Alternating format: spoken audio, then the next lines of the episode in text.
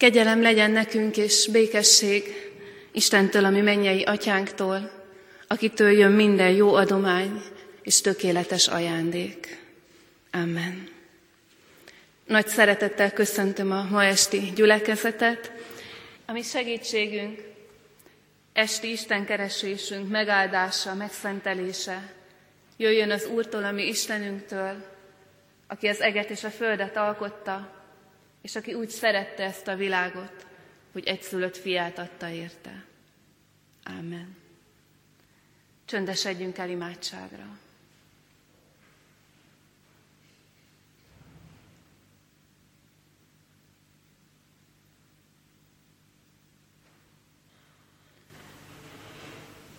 Köszönjük, Atyánk, hogy megtisztelsz bennünket azzal, hogy a házadba hívsz, és a házadba engedsz bennünket. És megvalljuk, ahogy te is jól tudod, hogy olyan sokszor ezt a kiváltságot, ezt a lehetőséget és ezt a megtiszteltetést kötelességnek érezzük a részünkről, ajándéknak tőlünk neked. Köszönjük, hogy te mégis adod, köszönjük, hogy azt ígérted, hogy megnyitod igédnek gazdag kincses házát, ahogy annyi kincset osztottál meg már velünk életünk során, és annyit akarsz még megosztani velünk.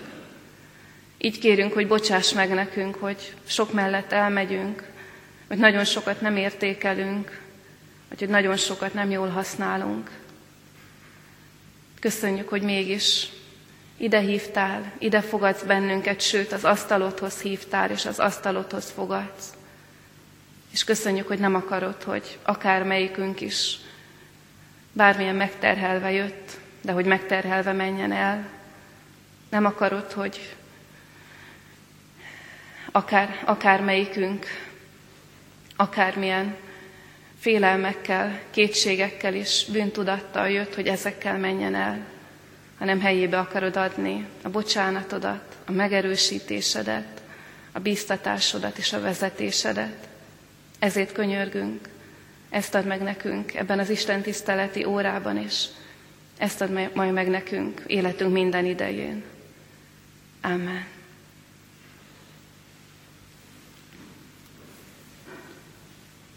KT magyarázatos Isten tiszteletünkön a mai elénk kerülő kérdés és válasz, a Heidelbergi KT 96. kérdése és válasza. Ehhez még felolvasom a második parancsolatot, és János evangéliumából néhány verset. A hosszabb ige szakaszt leülve figyelemmel hallgassuk.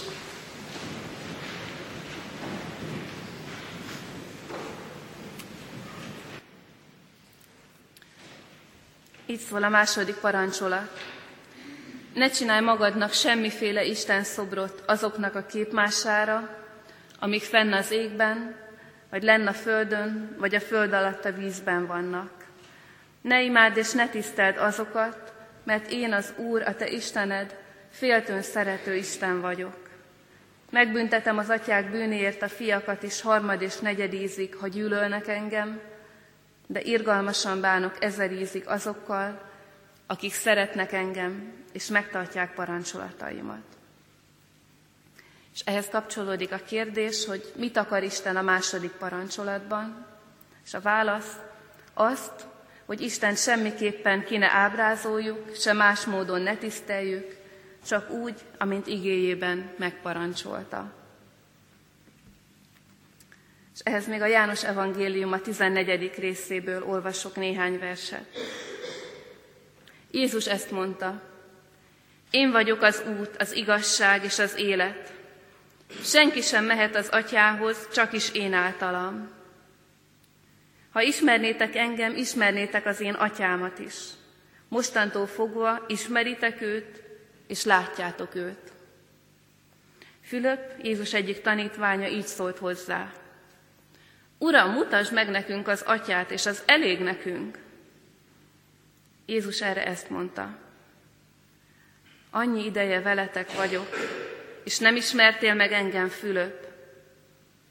Aki engem lát, látja az atyát. Hogyan mondhatod te, hogy mutasd meg nekünk az atyát? Talán nem hiszed, hogy én az atyában vagyok, és az atya én bennem. Azokat a beszédeket, amelyeket én mondok nektek, nem önmagamtól mondom. Az atya pedig bennem lakozva viszi végbe az ő cselekedeteit.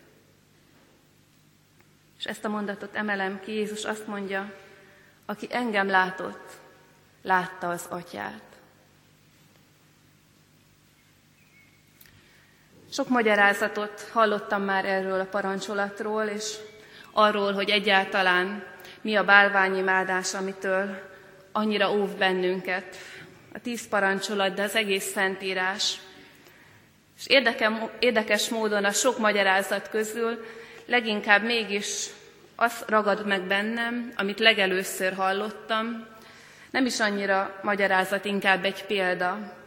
Még konfirmandus koromban mondta a felkészítő lelkészünk, hogy hát a bálványivádás az valami olyasmi, mint a, ahogy a kabalákhoz ragaszkodunk, hogy olyan dolgot jelent, amiben bízunk, bár segíteni nem tud. És hogy őszinte legyek, én sokáig nem tudtam mit kezdeni ezzel a példával, mert hogy igazán sose voltak kabaláim. Nem voltak kis figuráim, amiket mindenhova magammal hurcoltam volna, vagy amit az iskolai dolgozatok előtt gyűrögettem volna, és éppen ezért jó távol is maradt tőlem ez a parancsolat. Nagyjából az volt bennem, hogy ez a, ez a parancsolat a, a kabalásoknak szól. És aztán a kezembe került jó sok évvel később egy könyv, ami ugyanerről beszélt, de egy kicsit más megközelítésben, és, és nekem akkor valami átbillent, akkor valamit megértettem. Azt mondta a könyv szerzője, hogy hihetetlen megrendítő számára az a kép, amikor egy halálos kimenetelű közúti balesetben, amikor gyakorlatilag senki és semmi nem maradt éppen, mikor már az összetört embereket elszállították, mikor ott marad a kocsi totálkárosan, nagyon sokszor szinte egyetlen dolog marad meg éppen, és sokszor érzéketlenül vigyorogva, az a tükörre akasztott kis kabala. És azt mondta, hogy megrendítő, hogy ez a dolog, ami kimondva, kimondatlanul, de azért, amitől az ember valamiféle szerencsét vár, arra képtelen, hogy megóvja az embert, és lám, mégis ő marad ott, a tragikus kimenetelű baleset után éppen sértetlenül és érzéketlenül. Ez volt az a kép, ami, ami engem is megrendített, és aminek kapcsán érthetővé vált számomra, hogy, hogy mit jelentenek a kabalák, vagy az úgynevezett kabalák, és az úgynevezett bálványok, amitől annyira óv bennünket az Isten. És azt gondolom, hogy a kabala figura a kocsiban, vagy a bálvány az életemben, az egy nagyon sajátos fölállás. Hogy olyan valamire bízom magamat, az életemet, amit én készítettem vagy legalábbis amit egy másik embertársam készített. És ez önmagában mekkora ellentmondás. Az életünket, ami egyetlen, amit az Istentől kaptunk, ami megismételhetetlen, rábízzuk valamire, amit mi készítettünk. Ézsaiás próféta nagyon szarkasztikusan ír ugyanerről a dologról, a maga kora bálványairól. Ugye akkor a bálványok, azok a kis bálványszobrok voltak, amihez annyi kortársa úgy ragaszkodott és imádkozott. És azt mondja Ézsaiás, tudjátok, mik a bálványok? Fogja a mesterember az ezüstöt, a jobbmódú a, megrendelő az aranyat, és akkor mérlegre teszi, megolvasztja, megformázza, Istent készít belőle, aztán a helyére teszik, és nem mozdul, amíg nem viszik onnan. És ha kiáltasz hozzá, nem szólal meg. Ha vársz tőle valamit, nem ad semmit. Az a bálványok nagy furcsasága, hogy nálunk sokkal kisebbre bízzuk a legtöbbet, amink van, önmagunkat. És azon gondolkodtam, hogy miért tesszük ezt? Hát ez oly, az oly értelmetlen. És nyilván azért tesszük, mert ebből nekünk valami hasznunk van.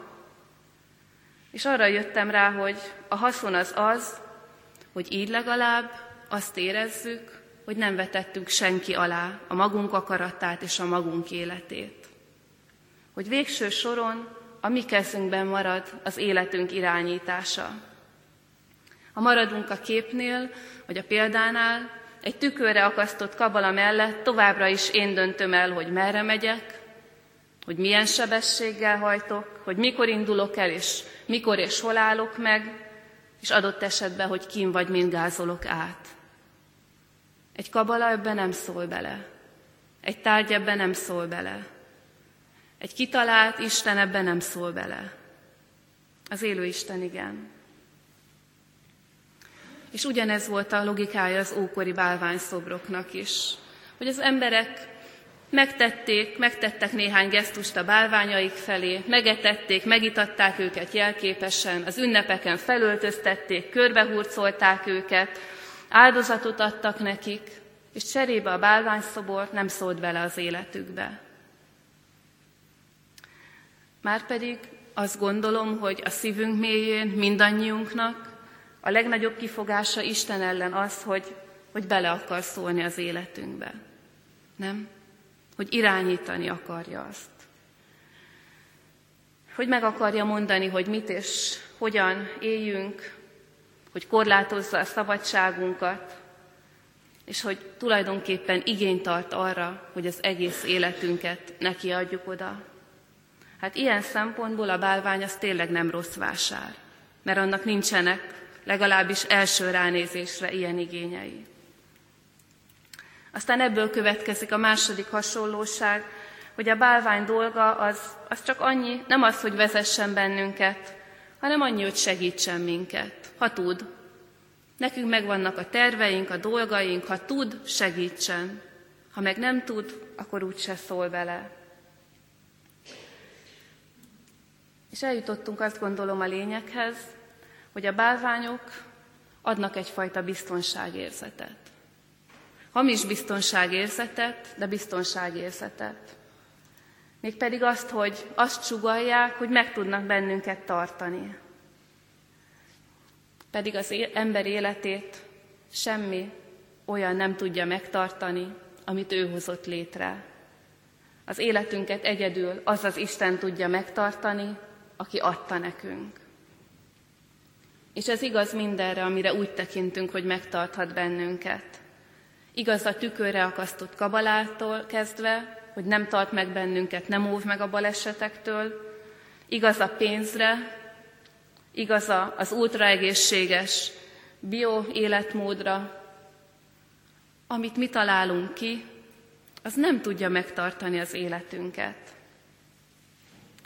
És a bálványnak ez a legnagyobb csapdája, hogy ad egy hamis biztonságérzetet, hogy kínál egy kényelmes és látszólag szabad életet, ami fölött én rendelkezem, és közben azt ígéri, hogy minden rendben lesz, de nem tud minket megóvni az élet sötét oldalától, vagy ne, főleg nem tudott megtartani. És ezzel nem azt mondom, hogy nincs szükség pénzre, hogy nincs szükség arra, hogy egészségesen próbáljunk élni. Csak azt mondom, hogyha ezekre bízzuk az életünket, akkor óhatatlanul, elkerülhetetlenül csalódni fogunk. Ráadásul az is tény, hogy minden olyan kabala, bálvány, ami, ami egyre jobban előtérbe kerül az életünkbe, minél jobban abba bízunk, az annál jobban megrabolja a szabadságunkat is. Nem véletlen, hogy a mi pénzre alapozó és pénzben bízó jóléti társadalmunkban alakult ki az úgynevezett vörkoholizmus. Ugye a, a munkától való függőség, amit ma ugyanolyan betegségként diagnosztizálnak sokaknál, mint az alkoholizmust. Az, ami látszólag szabadsággal és biztonsággal kecsegtet, ha abba helyezzük a reménységünket, a bizalmunkat, rabszolgává tesz. És ez a bálvány lényege. És igen, a bálvány azért is becsap bennünket, mert arra nincs ereje, hogy megtartson, de arra viszont van, hogy eltérítsen attól az Istentől, aki viszont meg tudja tartani az életünket. És ezért van az, hogy a tíz parancsolat nem azzal kezdődik, hogy ne őj, meg hogy ne kíván, meg ne tedd ezt, ne tedd azt, hanem azt, hogy én vagyok az Úr, aki megszabadítottalak, aki adtam neked annyi mindent, belém vesd a bizalmadat.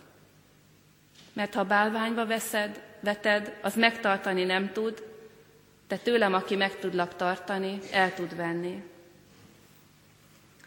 És ezért az a meggyőződésem, hogy végső soron a legfontosabb kérdésé előbb-utóbb mindannyiunk számára az fog válni, hogy mit választunk, hogy kibe vagy mibe vetjük a bizalmunkat. Mitől vagy kitől várjuk, hogy megtartja az életünket. A néma Istenektől, vagy pedig az egy Istentől, aki tud és akar segíteni. De aki kétségtelen, hogy nagyon határozott igényeket támaszt az életünkre. És persze, hogyha megkockáztatjuk ezt az utóbbi lépést, hogy Istenre alapozunk, hogy félretesszük, eldobjuk, elégetjük a bálványainkat, és azt mondjuk, hogy Isten, akkor beléd a bizalmamat, akkor mondd te, hogy merre menjek, és szólj, ha azt látod, hogy túl gyorsan vagy túl lassan hajtok, és, és vezess te engem, akkor nagyon valós és nagyon jogos az igényünk, hogy na jó, de akkor hadd lássuk ezt az Istent, aki azt mondja magáról, hogy én meg tudlak téged tartani, csak bíz bennem, akkor hogy ne lenne az a normális reakciónk, hogy jó, de akkor mutasd meg magad, ki vagy, mi vagy. És ha azt mondják nekünk, hogy, hogy ez az Isten tud beszélni szemben sok más Istennel, akkor, akkor hogy hallom meg azt, amit mond? Teljesen jogosak ezek a kérdések. Sokszor föltett kérdések, és talán kicsit csalódást okoz a válasz, nem tudok jobbat, lehet kicsit elcsépelt, de, de nem tudok mást mondani, mint hogy Istent, Istent az igéjén keresztül látjuk meg. A Szentíráson keresztül. Nem azért része a keresztény életnek évszázadok óta a naponkénti bibliaolvasás, mert ez valami elvárás. Nem azért, mert mintha ez lenne a kötelező penzum, hogyha olvasom a Bibliát, akkor Isten majd magához enged, meg, meg figyel rám, meg akkor szóba áll.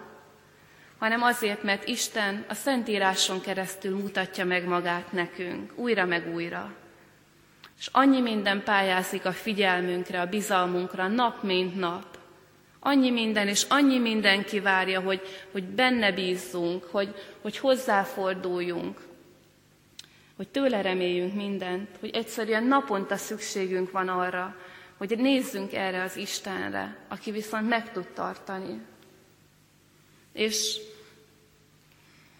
és ez nem azt jelenti, hogy egyszer végigolvassuk a Szentírást, és akkor tudom, mi van benne.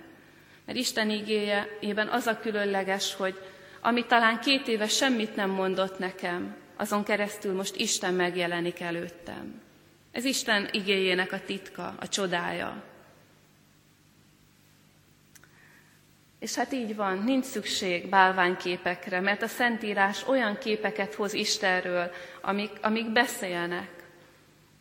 Azt mondja, hogy ő a pásztor, aki utána megy az egynek is, az egy elveszettnek is.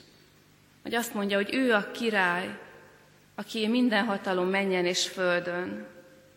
Azt mondja, hogy ő az atya, a tökéletes atya, és hogy ő a szabadító. Minden képet ismerünk, föl tudnánk sorolni, de elmélyedünk-e egybe is? Hagyjuk-e, hogy Isten újra megnyilatkozzon nekünk, hogy ma, ma este mit jelent nekünk az, hogy Isten szabadító? Vagy ma este mit mutat meg nekem Isten, ha azt mondja, hogy én vagyok az atyád,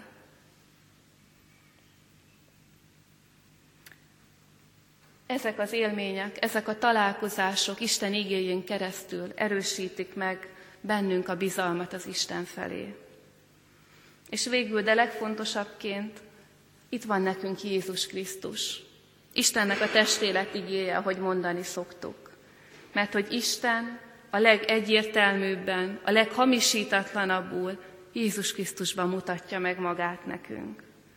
Úgyhogy ha látni akarod Istent, akkor nézz Jézusra, akkor olvasd az evangéliumokat, amik róla szólnak.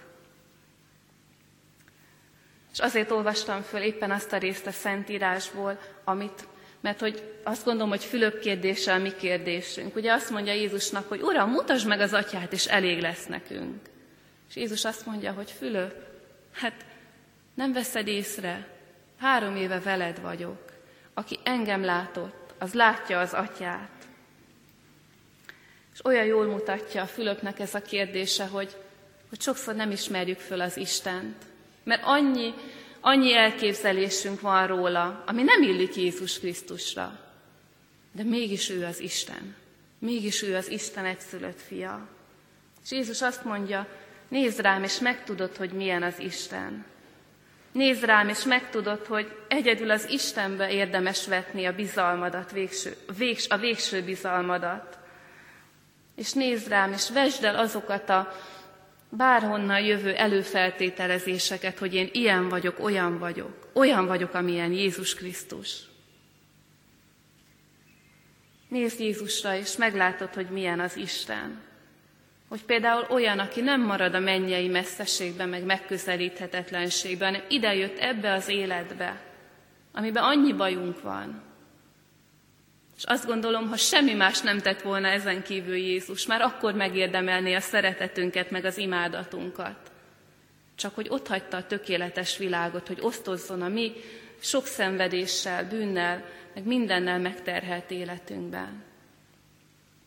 Vagy néz Jézusra, és meglátod, hogy ő az az Isten, aki, aki úgy gyógyít, hogy közel jön, hogy amikor a leprás kiabált messziről hozzá, hogy ha akarod, meggyógyíthatsz, akkor Jézus oda megy hozzá, megérinti, megsimítja, és azt mondja, hogy akarom, gyógyulj meg. De az Isten nem marad messze tőlünk. Így gyógyít bűnt és betegséget.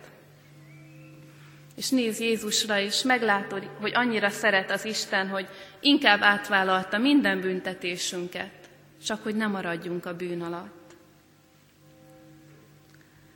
De, és zárásképpen, ha Jézusra nézünk, akkor tényleg el kell fogadnunk azt, hogy Isten nem mindenben olyan, mint amiben szeretnénk.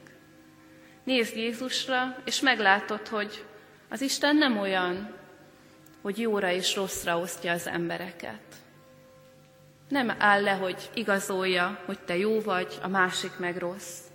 Ha csak a házasságtörésen ért asszony példáját mondjuk, ott vannak az önigazultak, ez az asszony bűnös, meg kell kövezni. Jézus nem áll az oldalukra.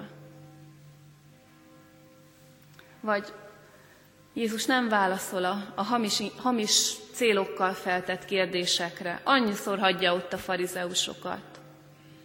Most azért kérdeztek, mert meg akartok ismerni, vagy azért, hogy fogást találjatok rajtam. És ha a második, Jézus nem megy bele ezekbe a csatákba. És végül Jézus volt az, aki, aki ugye szelíd és alázatos, mint egy bárány, de ostolt fon a kötélből, és kiűzi a templomból azokat, akik nyerészkedésre használják az Isten házát, és másokat távol tartanak az Istentől. Isten nem mindig olyan, ami ennek szeretnénk. De az biztos, hogy Isten egyszerre gyengéd és szerető, hogy megbocsátó, és más szempontból kiszámíthatatlan és irányíthatatlan. De nekünk ez a jó, mert ő tudja, hogy mi a jó nekünk, mi a jó a világnak. Ha ő irányítja az életünket és a világot, az jó nekünk. Zárásképpen csak egy mondat, ami bennem megragadt. A Narnia krónikájában, ami ugye egy mese, de a Biblia analógiájára, ahol Istent, vagy Jézust egy oroszlán jelképezi. A kisgyerek, aki találkozott az oroszlánnal, ott szomorkodik, hogy elmegy az oroszlán, hogy miért nem marad vele. És akkor valaki azt mondja, hogy mert ő nem egy szelidített oroszlán. Isten nem egy szelidített oroszlán, nem úgy működik, ahogy mi akarjuk, de ez a jó nekünk. Az az Isten, aki, aki kész és képes befogadni és megtartani bennünket, ma este is arra hív mindannyiunkat, hogy talán először, talán újra de egyedül belévessük a bizalmunkat, neki adjuk a hálánkat, és neki adjuk a tiszteletünket, és akkor az életünk megtartott élet lesz. Ezt Isten garantálja. Amen. Imádkozzunk! Magasztalunk téged, mennyei édes atyánk, minden ránk árasztott jó téteményeidért, kiváltképpen pedig azért, hogy minket e szent vendégségben kegyelmesen részesítettél, és ezáltal bűneink bocsánata és az örök élet felől bizonyossá tettél. Kérünk, Urunk, segíts megtartani ígéretünket, fogadásunkat, hogy kegyelmedért egész életünket neked szenteljük, és a te dicsőségedre éljünk. Hálát adunk neked azért, hogy az úrvacsora közösségében újra közelebb kerülhettünk hozzád, és a sákramentumokban közölted velünk Jézus Krisztus áldozatának életünkre nézve adott jó hírét. Köszönjük, hogy az úrvacsora közösségében egymáshoz is közelebb kerülhettünk, mint testvérek és mint a te gyermekeid. Kérünk, hogy azt a szeretetet, amit naponként megtapasztaltunk az életünkben, és amit most is közösen átélhettünk, tudjuk továbbadni a körülöttünk lévőknek, mindazoknak, akikkel az elkövetkezendő időszakban találkozni fogunk. Kérünk, Urunk, használd a mi életünket, hogy lehessünk írgalmad eszközei, és a Te kegyelmes szeretetednek továbbadói. Segíts minket, hogy a kísértéseknek ellen tudjunk állni, és úgy éljük az életünket, hogy az emberek megláthassák, hogy mi a Te tanítványaid vagyunk. Hálát adunk azokért az alkalmakért, amikor ez így történhetett. Kérünk, Urunk, a családokért, áld meg a gyermekeket, ifjakat, szülőket, nagyszülőket. Kérünk a magányosokért, egyedül lévőkért. Add, hogy ők is megtapasztalhassák, hogy soha nincsenek egyedül, mert Te velük vagy. Imádkozunk, Urunk, betegeinkért, kérünk, Te légy gyógyítójuk, a szenvedésekben támaszuk. Imádkozunk a gyászolókért, Te légy vigasztalójuk, adj reménységet nekik afelől, hogy elhuny szerettük, a Te oltalmadban lehet.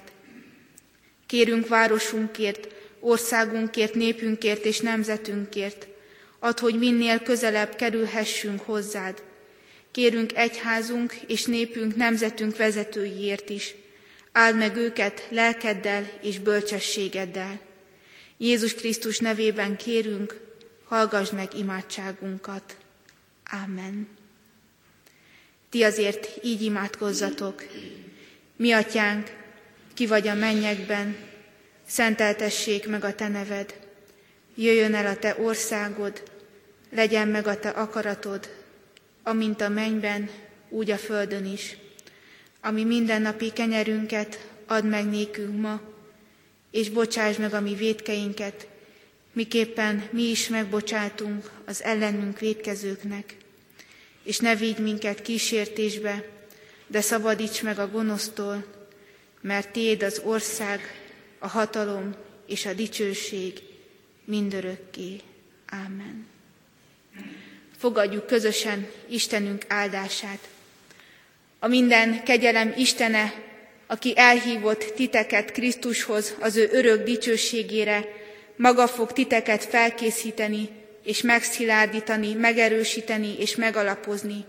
Övi a dicsőség és a hatalom örökkön örökké. Amen.